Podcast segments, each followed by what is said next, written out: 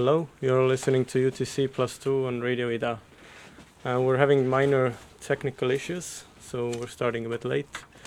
The guest is anthropologist Carlo Cubero. Hello. Um, the, the- the theme is, uh, as last month, uh, sound recordings, field recordings, sound studies in general. Um, while the producer here is converting the file, Carlo's gonna make uh, an introduction. Yeah, well, hello, good afternoon. Uh, first of all, thank you, Johan, for inviting me over again to your show. And uh, yeah, hello to all you listening out there. Um, the piece that I'd like to share with you today is a sound recording that I did, I collaborated with last year in Santiago de Cuba. Santiago de Cuba is the second city of Cuba. It is on the southeastern coast of the island. It is um, kind of like not that not that different from the story of you know of, of Tartu, where you know Tartu is the center of national revival, is the center of, of, of big cultural historical events. It is the same with Santiago de Cuba. Most of the things that we think things when we think of things Cuban, um, salsa music, rum, cigars, the revolution, etc., independence movements against Spain. All these activities have their roots in the city of Santiago de Cuba. Um, it is today it is known as the musical capital of the of, of, of the island and this um, the musical and cultural references of the city is informed as much by by Cuban practice you know Afro-Cuban or African and Spanish elements but it's also informed by Jamaican and Haitian musical influences so the the context by which I ended up going there is um, there was a conference, the Canadian. My God, I forget the, the name because I didn't go to the conference. It was the Canadians, the Canadian Association of Anthropology, or something to that effect. Um, they were having their annual conference in Cuba, and I saw this as a good opportunity to um, to go there and and do some some some some recordings of the city. Um, a bit of the context beforehand of what is uh, my relationship with sound and all. Um, as Johan said, I'm, as you said earlier, I'm an anthropologist. My, my, my field within anthropology is visual anthropology. I'm, a, I'm I started in anthropology working primarily with cinema in, in, in films and living in Estonia and hanging out with sound artists and going to film festivals and paying attention to the different aspects of filmmaking. I, ca- I, I discovered, on quotes, I discovered the thing of, of sound and sound art. So I started looking into it and reading it and I got, you know, I got much very interested in it. And um, I started curating sound programs at conferences. So I would do, you know, at a conference, normally people go to present a paper that presents, that illustrates the latest aspects of their research. Um, but I was interested in, I, in, in making a program where we only present sounds and then do a Q&A. It's not that different from how a film program works, right? Where you put a film and then Q&A after with the, with the author. So I started doing this kind of uh, programs at different anthropology and ethnology conferences in Europe. Um, initially, I, I did them with, uh, I collaborated with Mari Ermel, who's my colleague at, in the anthropology department at Tallinn University. And through, by, through doing these, these sound programs, I met uh, Pablo Herrera. Pablo is a PhD candidate in anthropology at the University of St. Andrews. But before that, he was a producer of hip hop in Havana. He's a, he's a Cuban uh, res- citizen, let's say, natural from, from Cuba.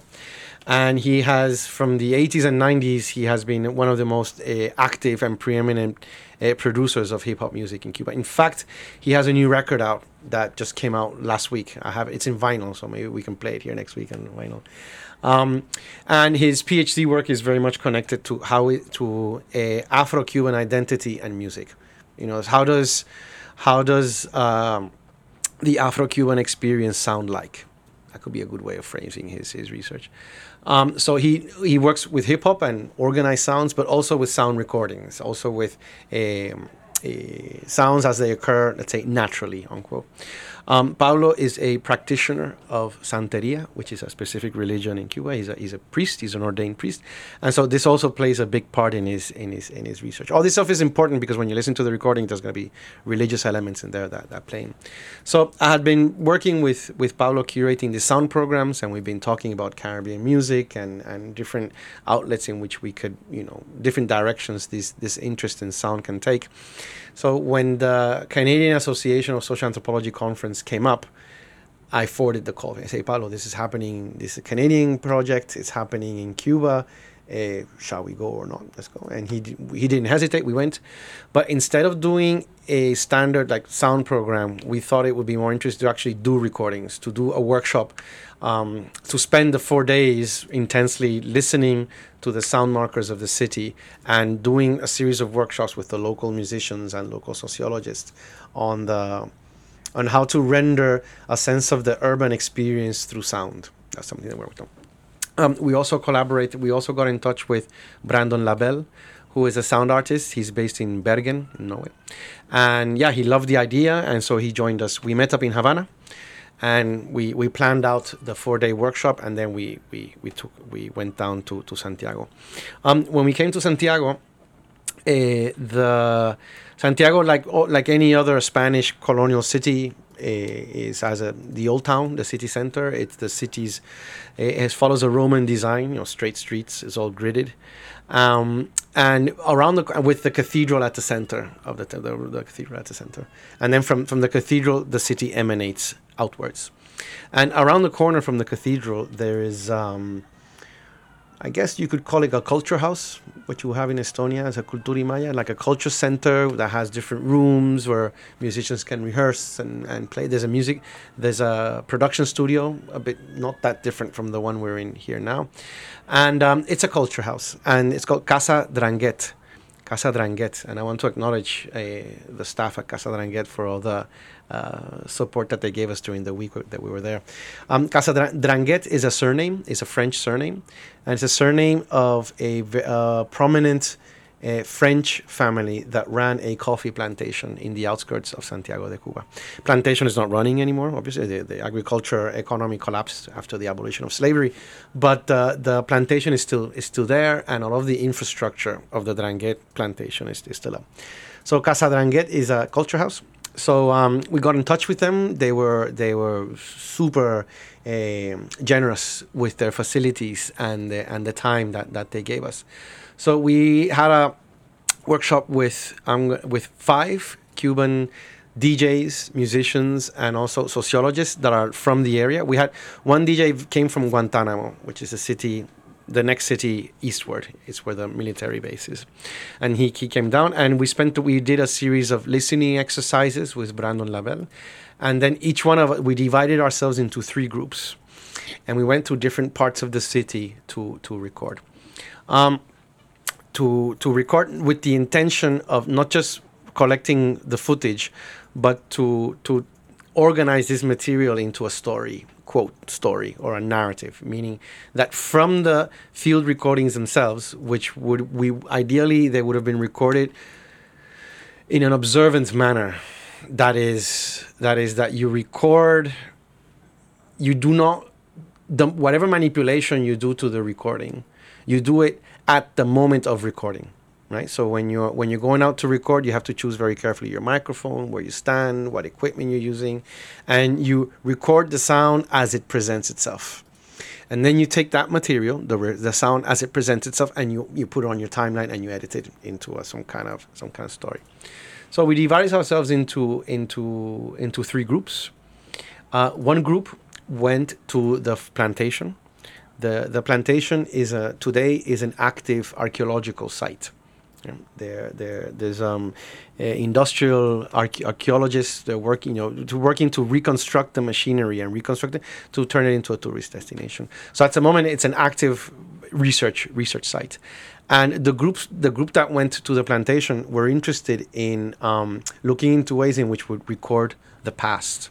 We could talk about that later, and I have the recording in my laptop if we can uh, show it later if, if, if we have the time. Um, the second group um, was went with Pablo, uh, around the city. Pablo, you know, was pursuing his interest in, in, in hip hop music and Af- Afro Cuban music.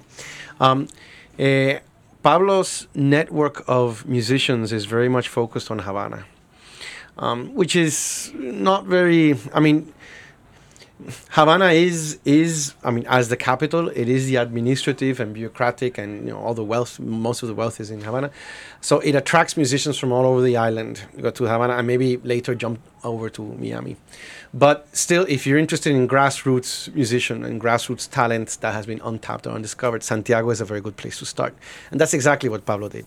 He he knew of hip hop artists and DJs that were in Santiago so he basically went on a detective s- search looking for them.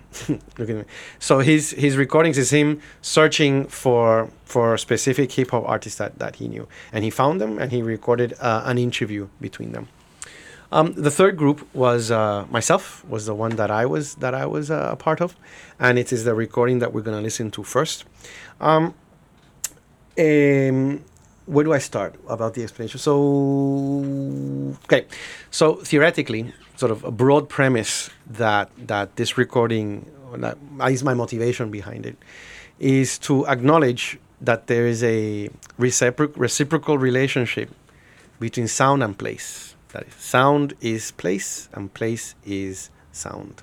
Um, the logic of this is that sound always needs a medium in order to exist right? Sound needs air, uh, materials to bounce off from. You know, it always it's it doesn't exist independently. Let's say like light does that just travels through the through the universe, but sound is always dependent on its on its on the medium through which it plays itself.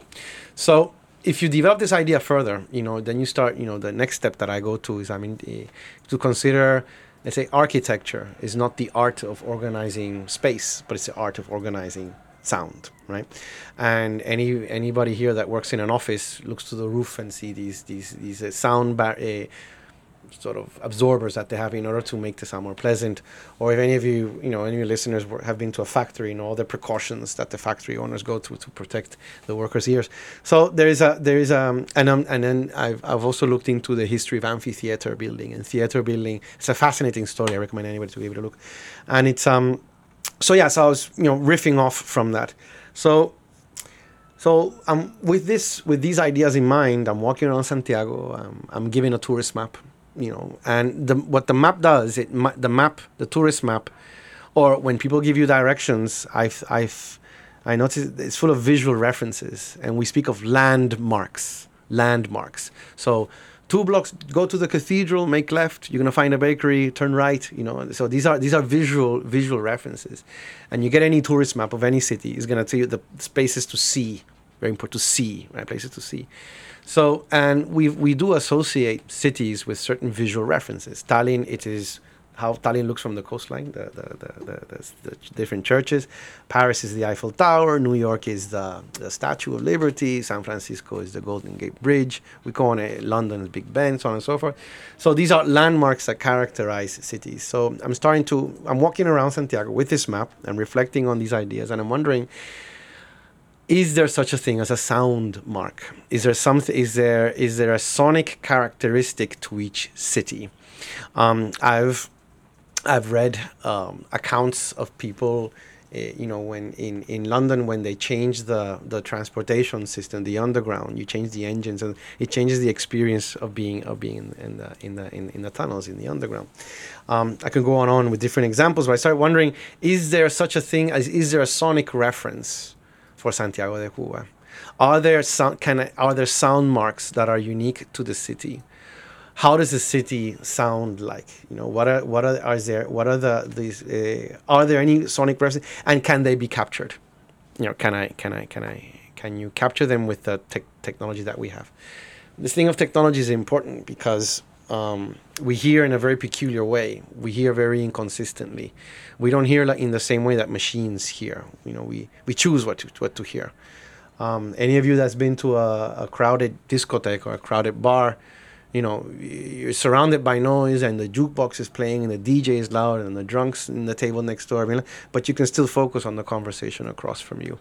This is this is referred to as the cocktail party effect that you can select what to pay attention to, what to listen to. Also, you can learn to listen. You can learn to listen. I mean, any any musician listening to us, um, you know, when you when you would, would would appreciate that when they listen to a piece, they, you know, you can you can focus on the violins, you focus on the bass, right, and you can uh, you can fine tune your ear to pay attention to certain aspects. The same thing with bird watchers. Bird watchers, they don't watch birds. You can see, you cannot see them, but you, you listen to them, you hear them. So what I was interested in is uh, sound listening as a practice, listening as an activity, um, and can that experience of listening, can I capture it with my technology? What what what would be the relate? You know, my ears that are inconsistent, that are organic, that can that have a very limited uh, in terms of the the frequency that we can hear is very limited is very small how how can i capture this with this with a dictaphone and a directional microphone and headphones that i was that i was using so i spent i must have spent like a uh, two days walking mostly in the old town the old town is close to the harbor Okay, so it's a city that's like, like Tallinn is close to the to the harbor. So I started walking sort of the, I, I guess the natural, the expected places, the harbor, the cathedral, the main square. There's many squares, and um, the chess is a big deal in Cuba. At least in Santiago, it was. And there's many squares where people are only playing chess, and there's a chess there's a chess house, right? And that's lovely, but the th- problem with chess is it's silent, you know, and you move the pieces, but there's not much there's not much sound coming out from them. So when you when you're thinking sonically, my point, your your your perception, your relationship to the city is very, or you know, it changes a lot. You don't, you're not looking at the architecture. You're listening to the birds. You know, you're not feeling the sun and the and the and the saltiness of the harbor. No, you're listening to the seagulls. You're listening to the boats coming in and out. So it's a very different a, connection to it. Um, I then I spent uh, two days, two more days recording, and um, and I revisit I, or during during the first two days where I was just walking around, just I was just making notes, which sounds would be interesting, which sounds would, be, and I started thinking of. I remember telling Pablo, um, describing my approach. This is, we have to think of the city as a symphony, with different musical instruments, right? And they're all playing their tune, and they're playing a tune. You just have to pay attention to understand how the, the rhythms and the pace and the pace goes. So that was that was my approach to think of the city as a as a as one big musical instrument, and I'll be just tapping into some some of the terms some of the instruments that were playing around. So I spent two days revisiting the sites that I found to be sonically meaningful, that moved me, that I thought could work in a in a quote story or some tell some kind of narrative. And uh, yeah, I recorded it. Yes, and then after the recordings were done, we went back. We all all the three groups we met again in, at the Culture House, and I did. Um, I must have recorded. I think in total, I must have like two or three hours of sound material recorded, and it's edited down to 12 minutes. Um, uh, Pablo and I, we we we used the studio of Casa Dranguet, and we did a first edit, a first a first cut, and then I came back to Estonia, and I did a second cut with uh, Kevin Molloy, who's a very gifted uh, sound engineer. He lives in he lives here in Tallinn, also an anthropologist. And uh, yeah, and we did this. We did this piece. I think it's about time to listen to Let's it. play it. Okay. Sure. And Go for it. 12 minutes. 12 minutes.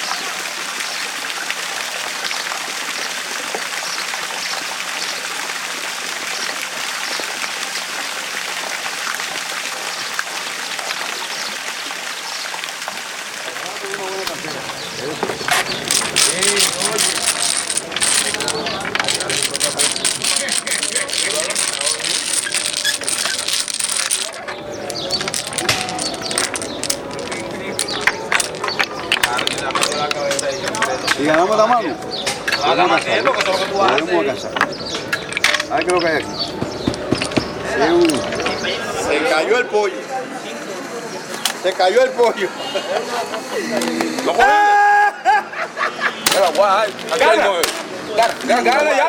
ya, que soy directo. Gana ya, pinga, gana ya, que soy directo. Ahorita lo estaban obligados. Ahorita cuatro. Yo ponía seis y le metía seis cuatro. Él metía seis tres obligados. Y después yo mismo no le metía la el hacha. Ahorita yo mismo le metía la Esa, hacha. ahí, ahí, era, dale esa, era, dale esa, no el 5 ese. Es irme a blanca mismo, porque yo pongo eso ahí y este lo va a tumbar rápido. ¿Qué tú hablas, compadre? ¿Tú no ves igual que yo estoy calculando hace rato? O dobla hasta el 6 o tira. 20, 20, 26, 30, 32 premios. No, se ha obligado, mío. Aprenda a jugar. Te está dando porque yo estaba cachado con Emilio. Ahí, te lo cachado perdido contigo. Ahorita con Roberto y eso. No, no, no, no sé. No, es que te estoy diciendo perdiste porque te obligado. Y está yendo doblado, está yendo doblado te llevan a prisa. ¿Atiende? Tú despierta, despierta. ¿Atiende? Cuando salga, Cristiazo mira para acá. Se haga gricilazo. Ya yo te dije ya. Ya. Ya. A ver, que esto es lo que hay cambio. esto. Vamos a ver qué es lo que hay. Vas a irse a ver tú también. ¿Qué es lo que tú tienes, mío? ¿Viste que tú estás mareado? ¿Qué es lo que tú tienes? ¿Qué Ella está Vete, vete de la cara que está privado. es lo que tú tienes? Déjalo a ellos, más, güey. Dale, compadre, que me gusta estar relajado.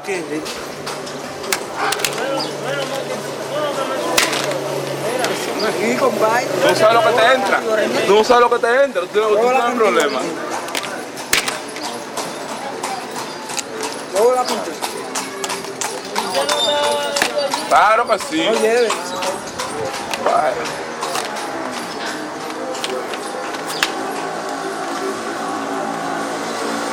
Ahí se ve. Ten cuidado con esa jugada. eh. Viste, compadre, tú también quieres ¿Qué anhelas más vivamente? ¿Y con qué medios cuenta para conseguirlo? Dime si te sale mal tu empresa y yo te diré las causas del mal éxito. No quisiera interesarme algo en tu favor, hijo mío. Soy dueño de los corazones y suavemente los llevo sin prejuicio de su libertad a donde me place. ¿Siente acaso tristeza o mal humor? Cuéntame, cuéntame alma desconsolada con todos sus pormenores. ¿Quién hirió? ¿Quién lastimó tu amor propio? ¿Quién te ha menospreciado? Acércate a mi corazón, que tiene bálsamo eficaz para curar todas esas heridas del tuyo. Dame cuenta de todo, que acabarás en breve por decirme que a semejanza de mí, todo lo perdonas, todo lo olvidas y en pago recibirás mi consoladora bendición.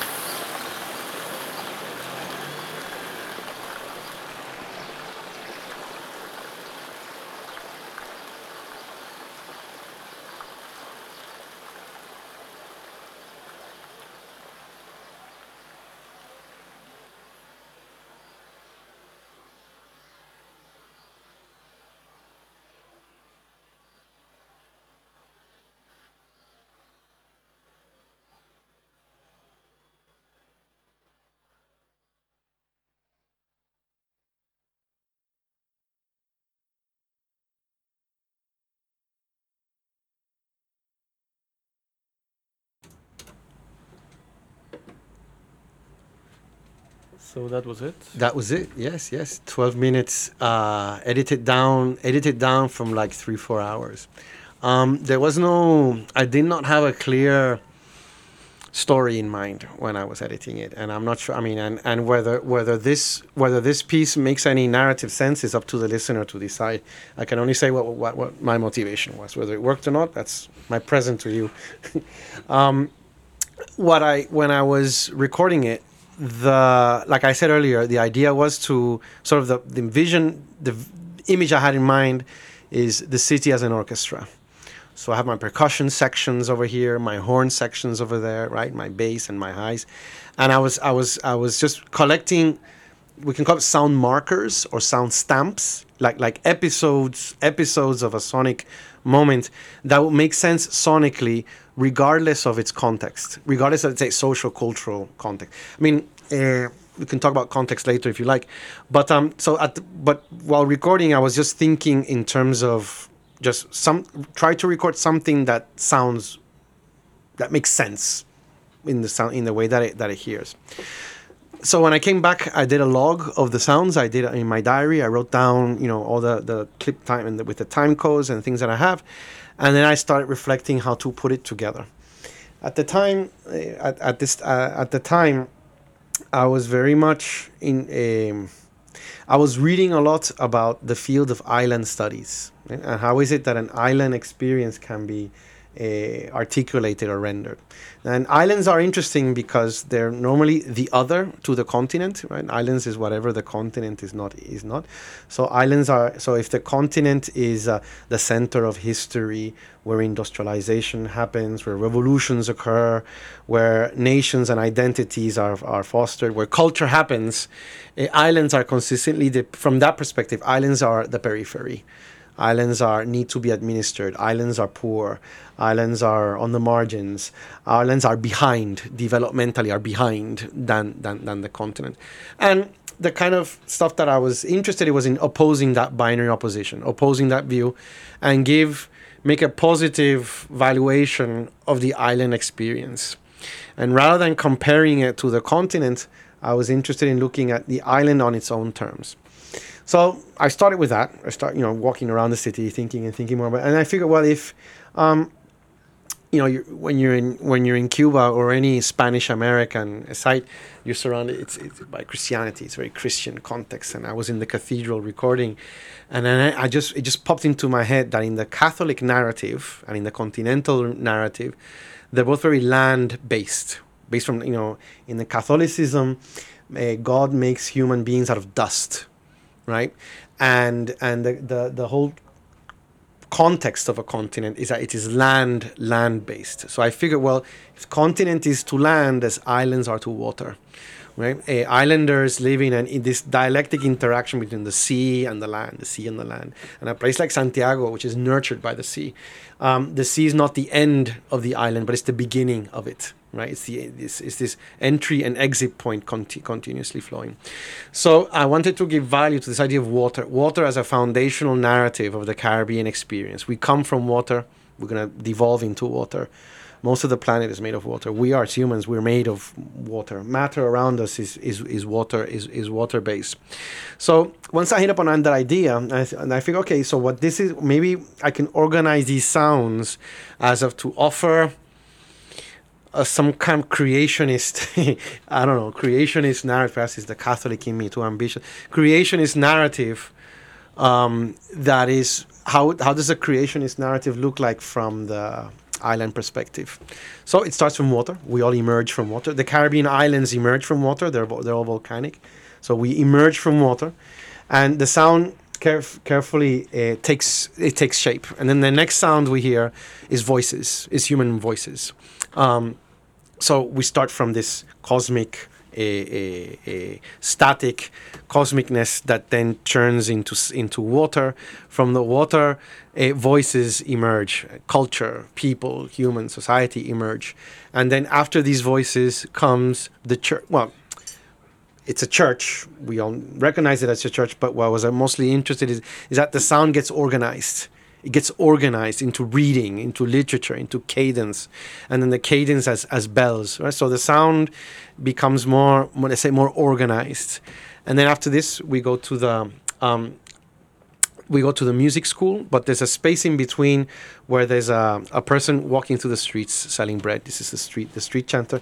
And then at the school is when I, f- I feel with music is sound like organized to its ultimate apex, right? So that is a, this is a music school. These are pupils of this music school, and they are practicing in their rooms.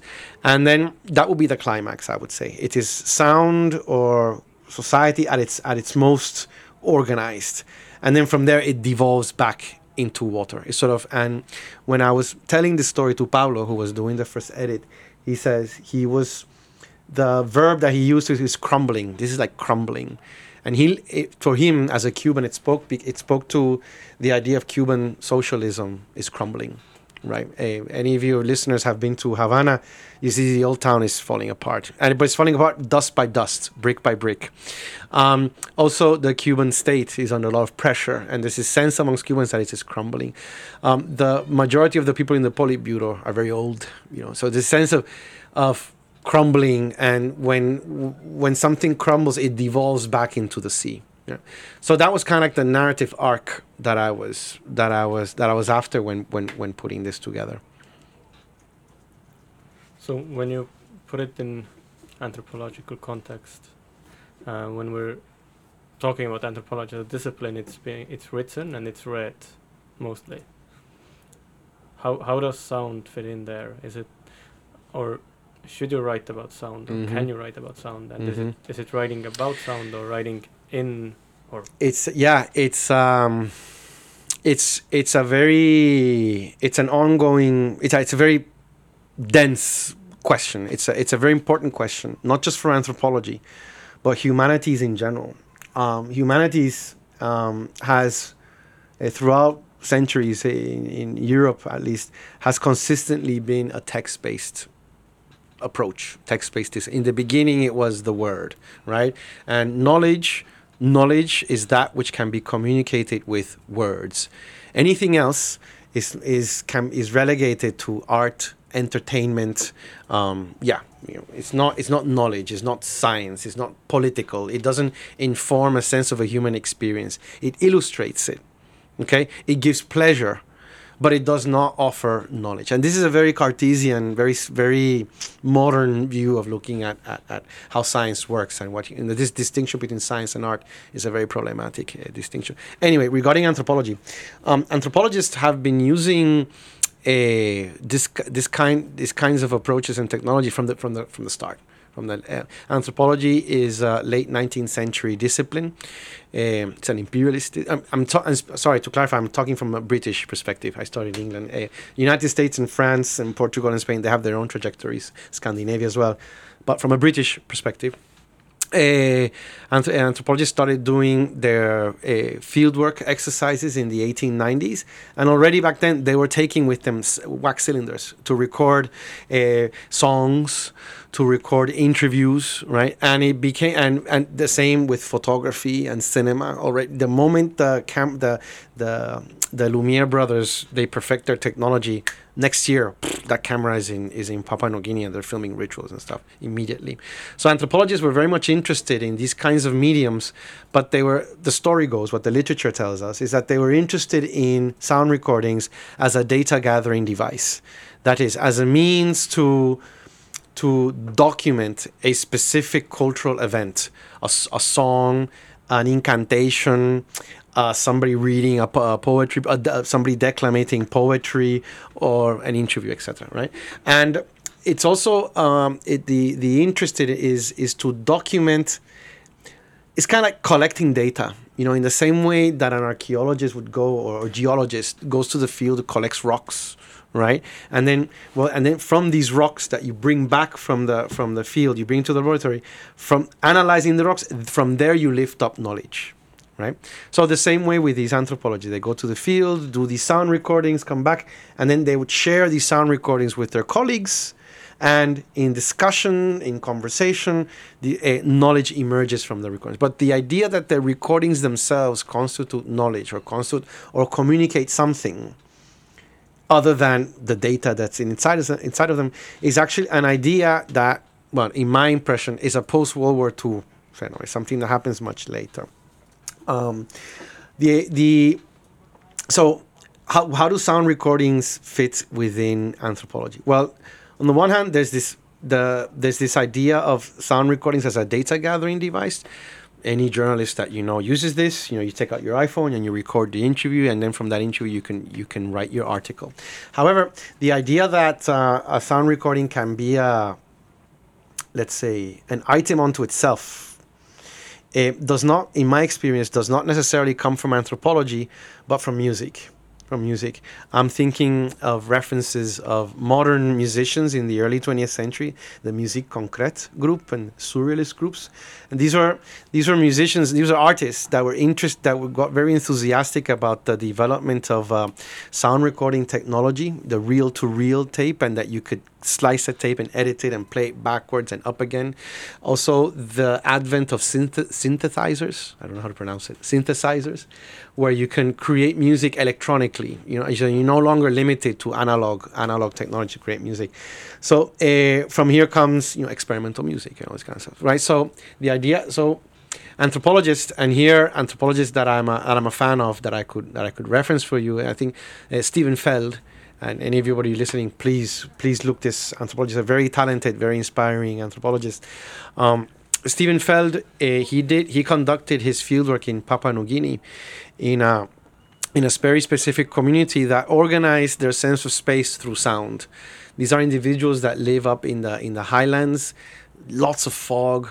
They, the, the visibility is very low. You can't see. So they orient themselves in the space and moving around through. And also the sense of time is oriented by, by sound.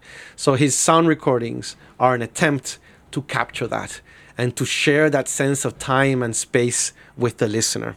It's also important to note that when he did these first recordings, he did them in collaboration with the Papua New Guineans. You know, they sat down, they, they did recordings themselves, they did the mix together in the forest and all these. And these recordings are available on CD on CDs. You can buy them online. And um, so from and since then, Steven Feld has done many projects after in Europe, in the Americas, and uh, you know in Africa. His, most recent book is in Ghana, with uh, jazz musicians in Ghana. So um, eh, I could mention other names, but I think Steven Feld is a good is a good solid reference here that. Um, uh, encapsulates what um, I think uh, the the potential for an anthropology that acknowledges that there are aspects of the human experience that cannot be described with words. Okay? Knowledge is not exclusively that which can be described with words. There is such a thing, you know, there's the knowledge of walking, the knowledge of listening, the knowledge of seeing, these kind of embodied practices that we carry that are learned and they are, in many ways, are socially constructed. So exercises like these, I'm not sure how successful mine is, but my, my predecessors and the ones I'm trying to imitate, they're tapping into this. They're tapping into the possibility, the the edges of text. You know, things that the most gifted poet can only hint at, can only suggest. Well, uh, other anthropologists are looking into other mediums than text to to um, to describe and to articulate the human experience. However, that's all that said. There's still a lot of resistance within the academic field uh, to embrace these kinds of works as if they were science, as if they were you know legitimate uh, scientific practice. Um, and the, I think the reason is because th- there is still in, there is still a strong, let's say, strong argument, a valid argument, I think, uh, to make that to gain a sense of academic credibility, there's you still have to tap into the discursive. You still have to address context in order for your material to be intelligible to a third to a third audience. If there's a legitimate case, it's controversial. Some say yes, some say no, but it's still out there. So the question that I struggle with, me and my colleagues, we all struggle with, is what is what is the relationship between our texts and our non-texts, right? So how can I write about this without, let's say, killing it? So let's say I can describe to you uh, that it was in Cuba, that, that, that, this is the demographics of Cuba, that Santiago is this, the population is so and so, its history, uh, talk about Fidel and show you maps, etc. And if I and, and then I go second by second describing the social context of each moment in the recording, at the end of the day, you'll end up killing the recording because there's nothing less. There's the listener is disempowered by that. You know, the listener doesn't have the opportunity to come up with with terms by themselves. So how much how much text should I, you know, what should be the relationship between the text that emphasizes the discursive and the context and the and the writing and the and the audiovisual work? Well, I see three. I see two options. Two options uh, come to. I normally I forgot the third one, so I'm going to mention two. Um, ah, yes, there's three options. So one one option that's that's very common uh, this is Champion Margaret Mead, a very famous anthropologist of the 20th century. Um, when she made films or made photographs, her texts were not about the photographs. Her texts were all about the social context. So she made a series of uh, photo essays in, in Indonesia. And the photo essays were about mothers taking care of their children. So for her, these images were an illustration of of parenting practices in other cultures in other societies. The pictures are beautiful. They're technically very well achieved, and the, the editorial work that went into it is fantastic, and it speaks for itself. And it doesn't need extra information, in my in my view. What Margaret Mead was doing was filling in the broader social context of it of, of the piece. Um, another approach to do is is championed by other anthropologists like Jay Ruby. He's based in the United States. He's retired now. Thank God you're retired, Jay uh, we his what he figures is that a lot of the text should focus on uh, the technical aspect, you know, the decision making that went behind it. So I have the recordings. I should be talking about what microphone I use, what recording, what time of day. That's another. Now the this what this approach does is that it describes the piece technically, and it's meant to empower the listener to Don't know, to get a behind the scenes understanding of the of, of, the piece. But that also has its critiques. A third approach, which is my favorite, which is what I always recommend, and, and it's my personal opinion, is what I call to write from the from the piece. So rather than write about the piece, as Margaret Mead or, or, or Jay Ruby would, would, would suggest, I write from it. What does that mean? In the process of recording, thinking, recording, and editing this piece, I I learned something. I, I, I, I went I, I personally I, I it was an experience for me, a very powerful experience for me. So how can I I would like to share that experience with a third audience. And one way to do this through these recordings, another way is I could I could I, I could I could write it. Writing about it will definitely will let's say hit or approach the piece from a, in another register. So if these sound recordings, the times I've played these sound recordings, the tendency is for people to close their eyes and they talk about how they feel. Whereas when I write, you have to keep your eyes open to read it, but peop, it, it invites you to think about the piece, to think about the piece. So yes, they definitely operate at, at different at different registers. Yeah, that's my quick answer to that. So we have about five minutes left uh, for one last question that could take another hour, but Mhm. we'll try to keep it short. Um, you've been talking about context Mhm. um, in terms of writing about sounds, but when we think about presentation or distribution of these sound recordings, field recordings, how important is context? Do you need to say something before you play a, a recording? Do you need to say something afterwards? How? My personal, uh, it's a controversial topic, as you say. We could dedicate another hour to it, and um, it's uh, it's a very stimulating debate. And um, I often find myself being very inconsistent. One day I say one thing, next day I say the opposite. you know, it's a very uh, the jury's out, shall we say, on this one. But let me, if I could, uh, uh, the importance of context. How I feel at the moment is. Um, a lot of it is is pri- I would say it's primarily dependent on what are the intentions of the artist. Right? What are my intentions of the artist? When when Beethoven wrote his Ode to Joy, he could have elaborated on the the broader social context of Austria at the time, and why this kind of music is empowering. Why democ- He was a supporter of Napoleon initially, and then changed his mind later. He could have addressed all these. You know, when you when you go to the concert, he could have stood up and given a lecture if he wanted to, and described to the to the people the state of Europe and and what to do about what to do about the revolutions, what to do about the aristocracy. But he doesn't do that. He just lets he just plays and let the music play by themselves. Um, when when my mother bought uh, the Beethoven record, I remember uh, in the back, you turn around in the back of the record, and there's a biography of Beethoven written there. Ludwig Beethoven, 17, whenever, da da da. He was Austrian and he's deaf and he was very prolific uh, musician, isn't that? Well, that's another context that, that makes available, and I can choose to. And um, in the context of, of anthropology, the, so my point is that do you need context? My first reaction would be it depends. It depends on what you want, what are your what are your goals, what are your what are your intentions.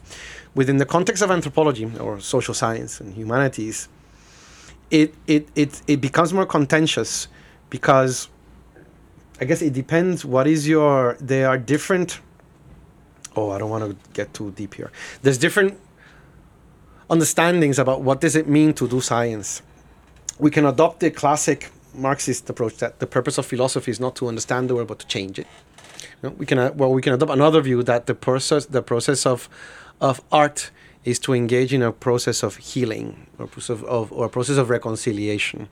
Um, anthropology uh, traffics in cultural difference and cultural similarity. That's that's what we sell. That's what we're working with. So the the concern is, can a recording like this that does not offer discursive historical contextualization does it make sense?